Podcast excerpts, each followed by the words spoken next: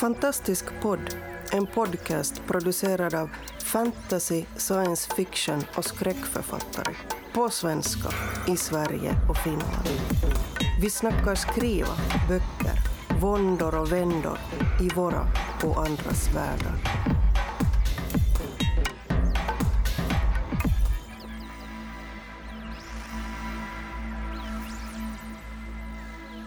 Hej och välkomna till Fantastisk podd. Och den här veckan så är det eh, Västkustgruppen som pratar. Och närvarande idag på, i diskussionen är Fredrik Persson. Susanna Björnberg. och eh, jag själv heter Susanna Nissen och vi har en fantastisk gäst också. Den här gången, eh, även denna gången. Ska vi säga. Marcus Olausson. Jag presenterar mig. Ja. Ja, jag är en fantasyförfattare kan man säga. Mest skriver fantasyromaner i en serie som heter Serahema Saporium. Som jag är aktuell med just nu och det är mer på skräck, steampunk hållet. Jag har börjat med lite sci-fi noveller också för att eh, utveckla mig själv. Testa Mm. lite nytt. Eh, vad tänker du kring det? Ja, eftersom jag skriver klassisk fantasy så hamnar man ju i det här världsbyggarträsket. Och då ingår ju magisystem tycker jag. Vad ska man säga? Eh, Det finns ganska många olika approacher till det här med magi. Kan man ju Mm. konstatera. Sagan om ringen finns ju uppenbarligen trollkarlar men de praktiserar inte så mycket magi i ibland men eh, Sen kan man ju se mer på Harry Potter där har man ju Det är ju trollstavar och eh, trollformler och sånt då. Mm. Så det finns väldigt brett spektrum av magi. När du började, liksom, började blicka magi- magisystem i alla dina eh, berättelser i princip, olika, det är ju olika typer av Ja. världar. Ja. Hur tänker du då när du börjar skapa dina magisystem? Eller skapas det, skapar du magisystemet först eller världen först? Eller går det liksom i varandra? Berätta hur du tänker. Ofta så utgår jag från någon scen, någon bild som jag ser framför mig eller jag kanske drömmer eller någonting sånt där. Så, och då är väl världen en del av det fast det är inte världen som är det viktiga för det, det är ju jättetråkigt när någon bara presenterar en värld hela tiden. Utan Det måste ju finnas en anledning för den världen att vara med i berättelsen. Eh, Jag skrev en eh, en novell som faktiskt gick och vann Fantastikportalens tävling här nu tillsammans Ja. med två andra. Ja, grattis! Gratulerar. Eh, kommer en eh, antologi som heter Bortom portalen och släpps väl nu i december. Mm. Och eh, Sjung kära syster heter den novellen och i den så var det faktiskt magisystemet som kom först för jag tänkte liksom allting är ju alltid skrivet och hittar man på något så kan man ju säga fasen på att någon annan redan har använt det. Ja. Mm. Så jag tänkte vad skulle vara lite originellt då? Då tänkte jag det vore kul att använda musik. Mm.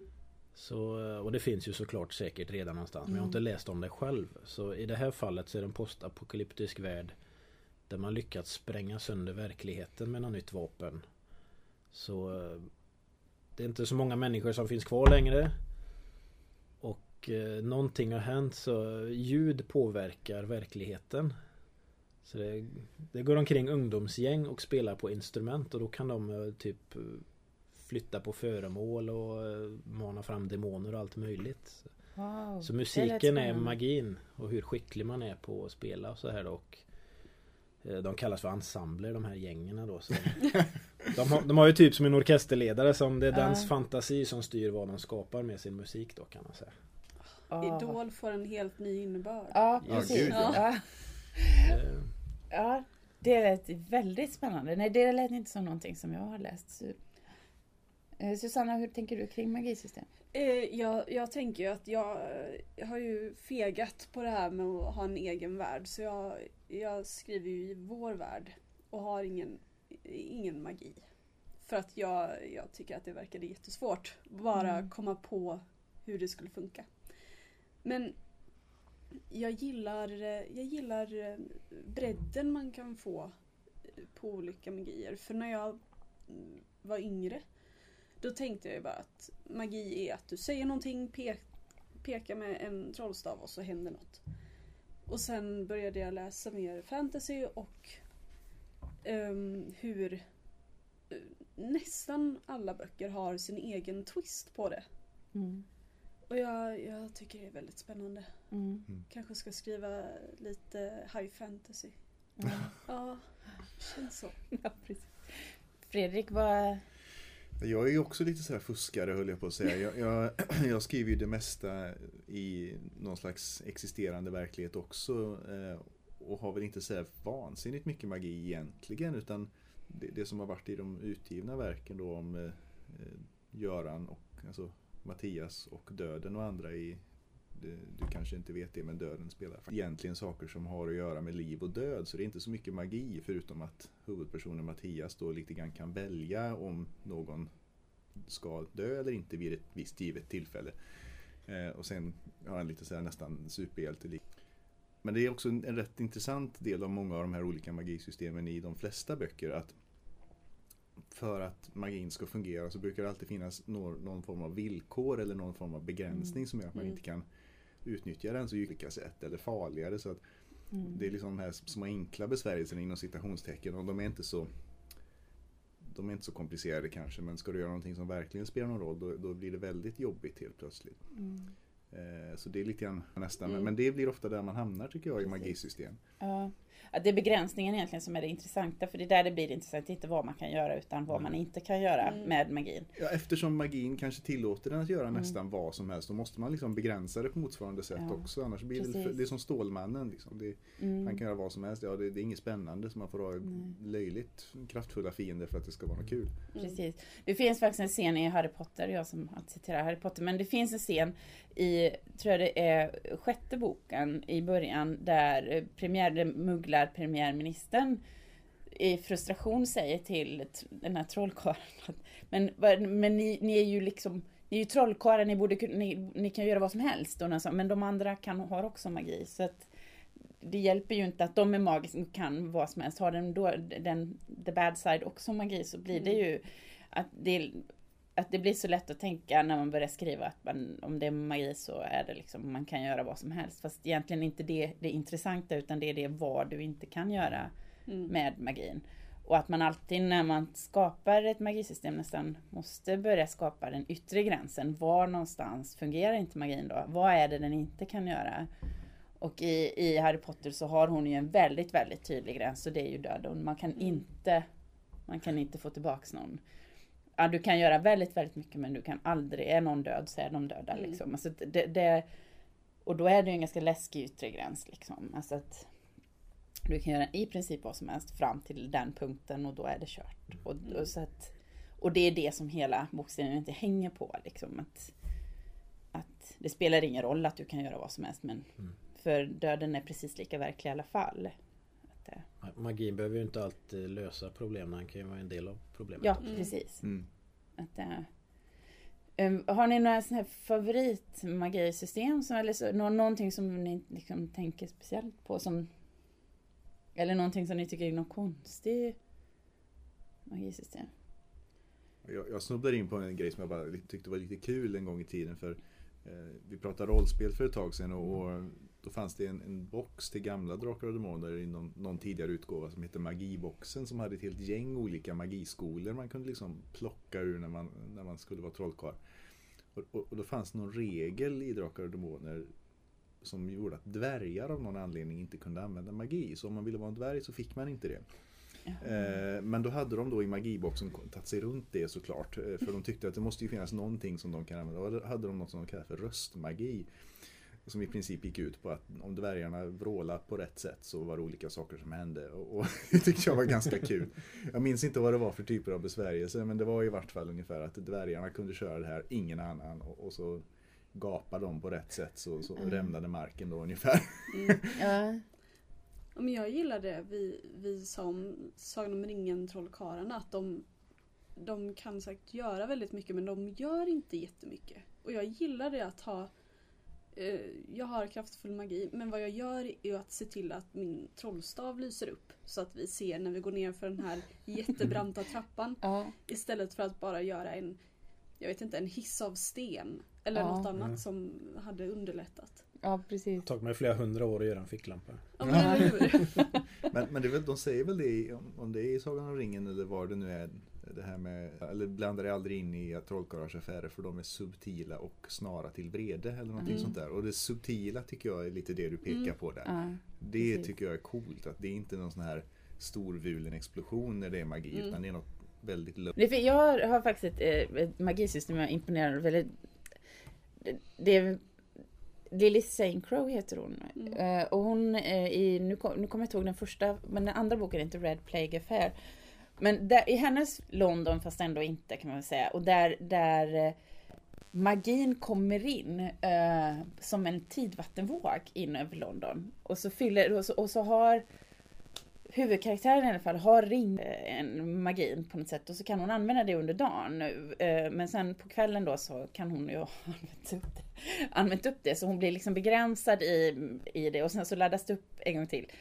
Och, så. och eh, även så att drottningen, eh, drottningen av England är egentligen inte, alltså den personen som sitter där är bara någon fysisk manifestation. Har du läst eh, henne?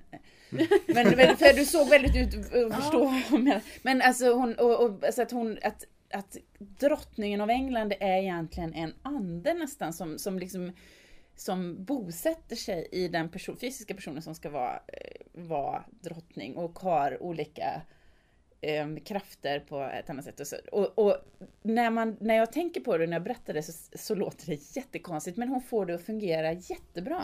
Att det liksom är svårt när det är en sån konstig, alltså det är inte en självklar eh, att, att personen i sig har, utan man måste ladda upp den och det bara kommer en gång om dygnet och sådär.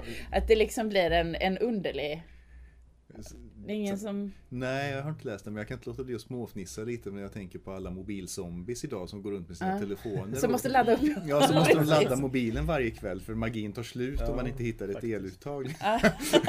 Ja, det är kanske så. Det, ja men nu ska inte jag fastna där i och för sig men, men det finns ju många sådana här uppladdningsmagier. Man laddar sin stav med något och så tar Ja. den slut och så på olika sätt fyller man den igen då. Men det finns faktiskt en jättekonstig bok jag läste en gång som, som ja, nu kommer jag inte ihåg vad den heter tyvärr men om man kommer ihåg det så ska jag skriva ner det när vi lägger ut den här podcasten. Men Jo, Metropolitan heter den. Jättekonstig. Jag vet inte ens om den var bra. Men den hade något märkligt magisystem som påminner väldigt mycket om el. För då fanns det el, typ i uttag i lägenheterna man kunde liksom ansluta till för att använda magin. Ja, det var lite märkligt. ja. Ehm, Marcus? Eh, Jag tänkte säga något men nu glömde jag. Jo, precis. Eh, Som författare så är det ju Det svåra är ju balansgången man beskriver magi för den ska ju ändå ha någon slags överjordisk kvalitet. Att den ska kännas magisk. För beskriver man den för väl då blir det ju bara som en teknikpryl där man förstår precis.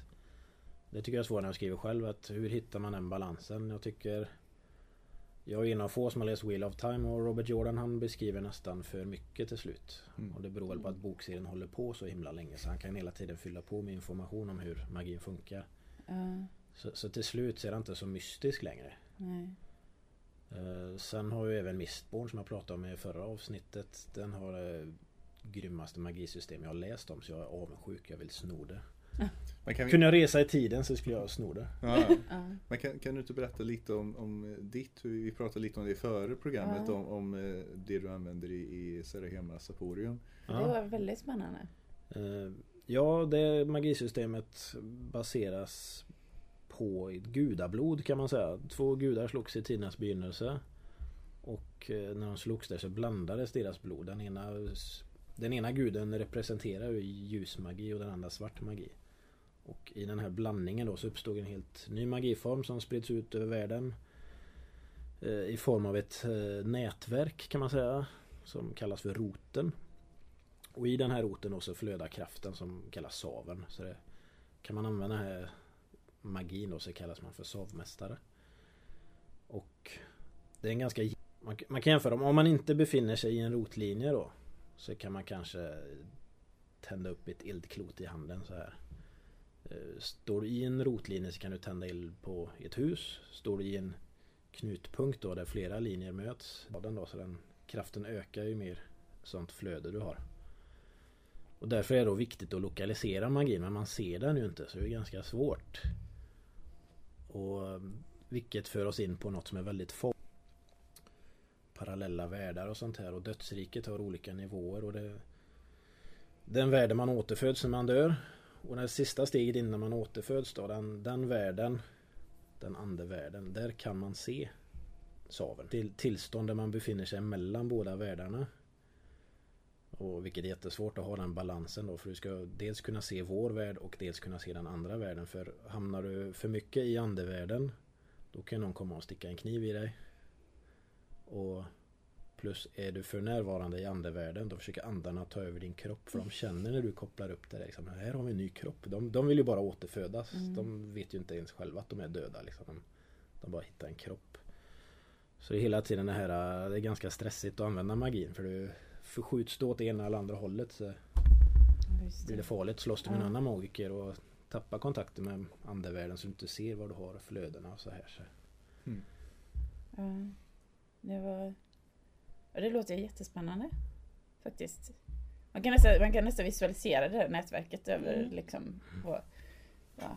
Har ni någonsin kommit på det att ni medan ni skriver att ni gör någon ändring i det magiska systemet och inser att ni ställer till det och måste skriva om allt?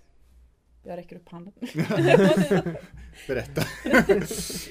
vad har du nu gjort? Ja, vad har jag gjort? Nej, jag skriver på en, en, en grej på um, som, som inte eh, jag ska skriva på egentligen.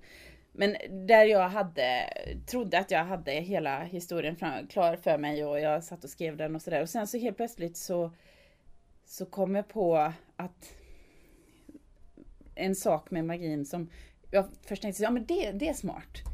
Man kan överföra den. liksom. Om man tar på någon så för man över den.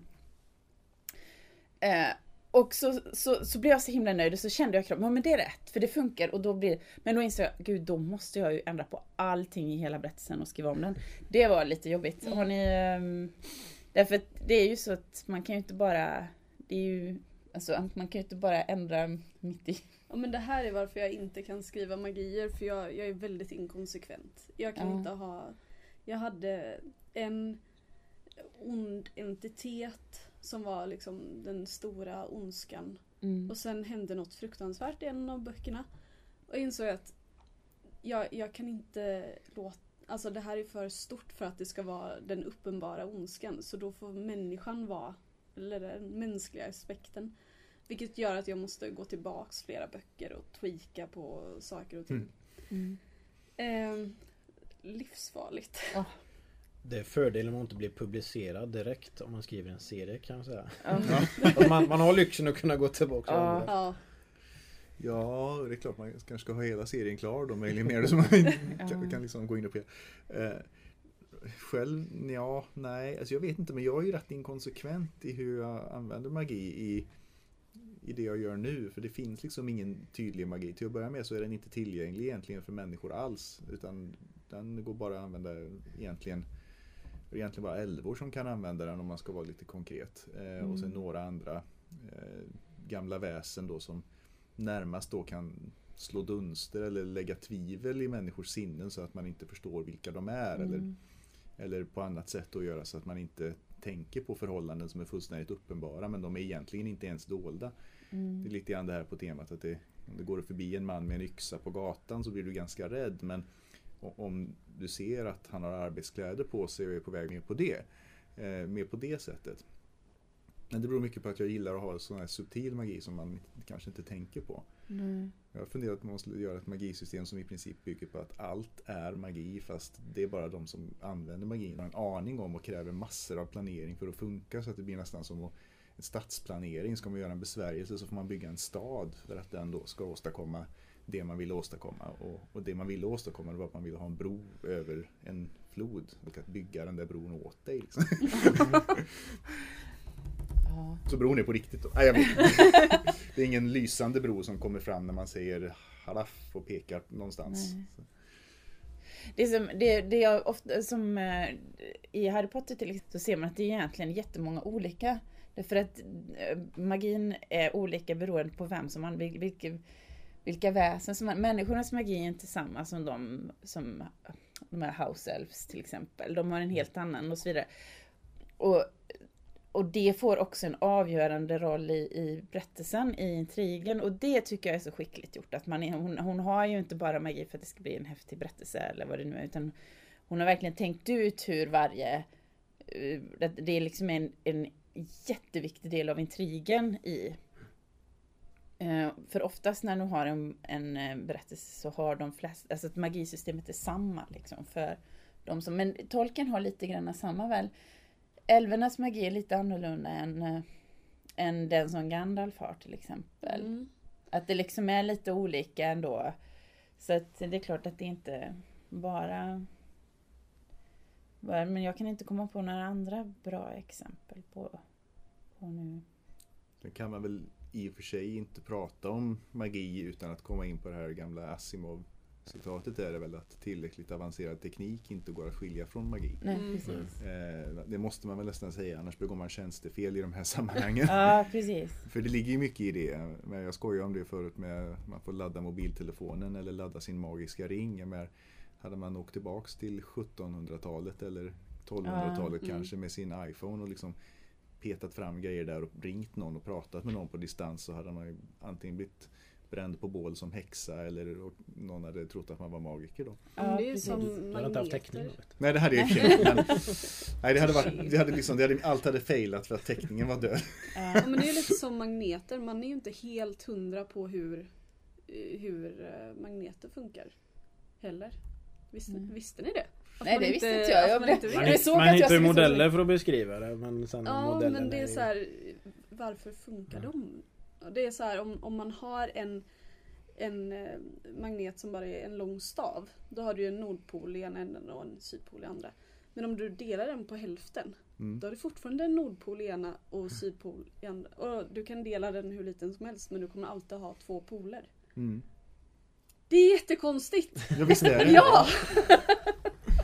Med andra ord, vi har magi. Ex-. Det existerar redan nu. Ja. Gå hem och, och, och ja, vad vet jag, Magnetmagi. hitta en magnet så har du Ja, precis. Men det tänker jag på ofta för eftersom jag har en ettårig son och man kan, jag kan göra saker där han verkligen blir helt förundrad och tittar på mig. Vi har en sån här braständare som man knäpper, knäpper på en sån här lång eh, Ah. Mm. Och när jag sätter igång den så kommer det ju eld i ena änden och det blir som en trollstav. Han förstår inte att det är att jag Ja. som, utan helt plötsligt så har jag den och så brinner det i ena änden. Och jag kan verkligen se hur han, "Åh, vad är det?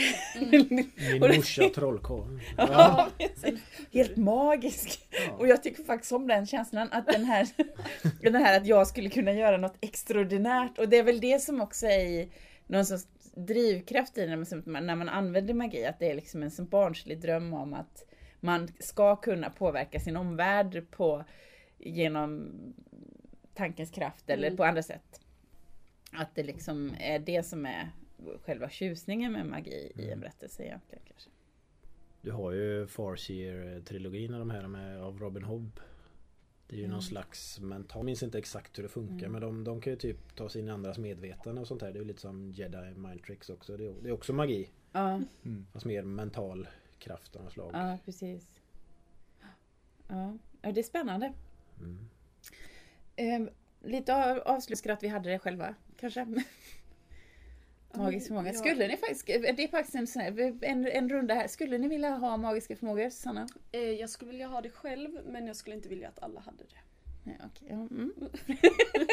Men om jag hade det så tror jag nog inte att eh, de andra, alltså alla andra skulle veta om det. Och det är inte för att jag skulle dölja det utan jag tror inte det skulle vara synbart. Nej. Marcus? Jag vet inte. Jag, jag kanske mer kan tänka mig en superkraft bara. Ja. Kunna flyga eller någonting så. Vi kan säga att du kan det.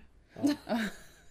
Jag vill flyga. Ja, ja precis. Jag skulle nog eh, gärna vilja ha det, men jag skulle nog inte lita på mig själv om jag hade magi. Jag, skulle, Mm. jag är nog rädd att jag skulle bli lite för... Eh, lite för... Eh, Du skulle bli ond. Ja, det skulle Ja. jag faktiskt. Jag, det är, jag är så Sheldon Cooper, one lab accident away from being a, a supervillain. Ja. Något sånt. Jag skulle, jag skulle faktiskt vilja vara allomantiker eller äh, allomancer finns en magi som Mm. heter den här äh, Mistborn-serien Ja. som jag tjatar om. Mm. Den är riktigt cool. Där använder man metaller och metalllegeringar för att få olika sorters krafter. Och en del Mm. personer kan bara använda en metall. Då kan till exempel coinshots kallas de. De kan skjuta iväg mynt då. Ja. Och andra de kan dra till sig järn. Så man kan göra iron Mm. pull eller... Mm. Och så finns det mistborns då. De kan använda alla de här olika Ah. metallerna. Man, man måste konsumera metallen för att kunna använda magin. Så de har små eh, glasbehållare med alkohol tror jag så har de lite metallflarn i sig. Så man måste dricka det här då för att få i sig metallen. Mindre. sen, sen kan man, den, den kan ligga lagrad i kroppen ett tag tills den åker ut naturliga väg. Men då, då bränner man metallen när man ska använda magin i alla fall. Så till slut så tar metallen i kroppen slut. Då. Men Mistborns de kan göra allt möjligt och i princip så kan de nästan flyga med det här för de kan liksom stöta bort metall Så slänger de ett mynt på backen och stöter bort det så flyger din kropp åt andra hållet För marken som håller emot myntet är starkare än din kraft liksom Så då flyger du upp i luften och sen kan du Få sy- syn på en kyrkspira lite längre bort så drar du dig mot den då så Och jag, Mm. Det är jag, som, riktigt eh, Matrix-magi nästan ja, Ja. jag skulle säga det att jag tror det är ganska många av oss författare som ändå sysslar med en magi som man kan kalla för semantiker i så fall. Språklig magi. Ja. Mm. Mm. Och det var nog ett eh, väldigt bra sätt att avsluta på. Tack så mycket för den här gången. Du har lyssnat på Fantastisk podd. Om du trivdes i vårt fantastiska poddsällskap och vill ha mer så hittar du äldre poddar och information om oss som deltar på vår hemsida under fantastiskpodd.se och på vår Facebook-sida Fantastisk podd. Har du frågor eller förslag på vad du tycker att vi ska tala om, hör gärna av dig antingen på Facebook eller via kommentarer på hemsidan. Vi hörs!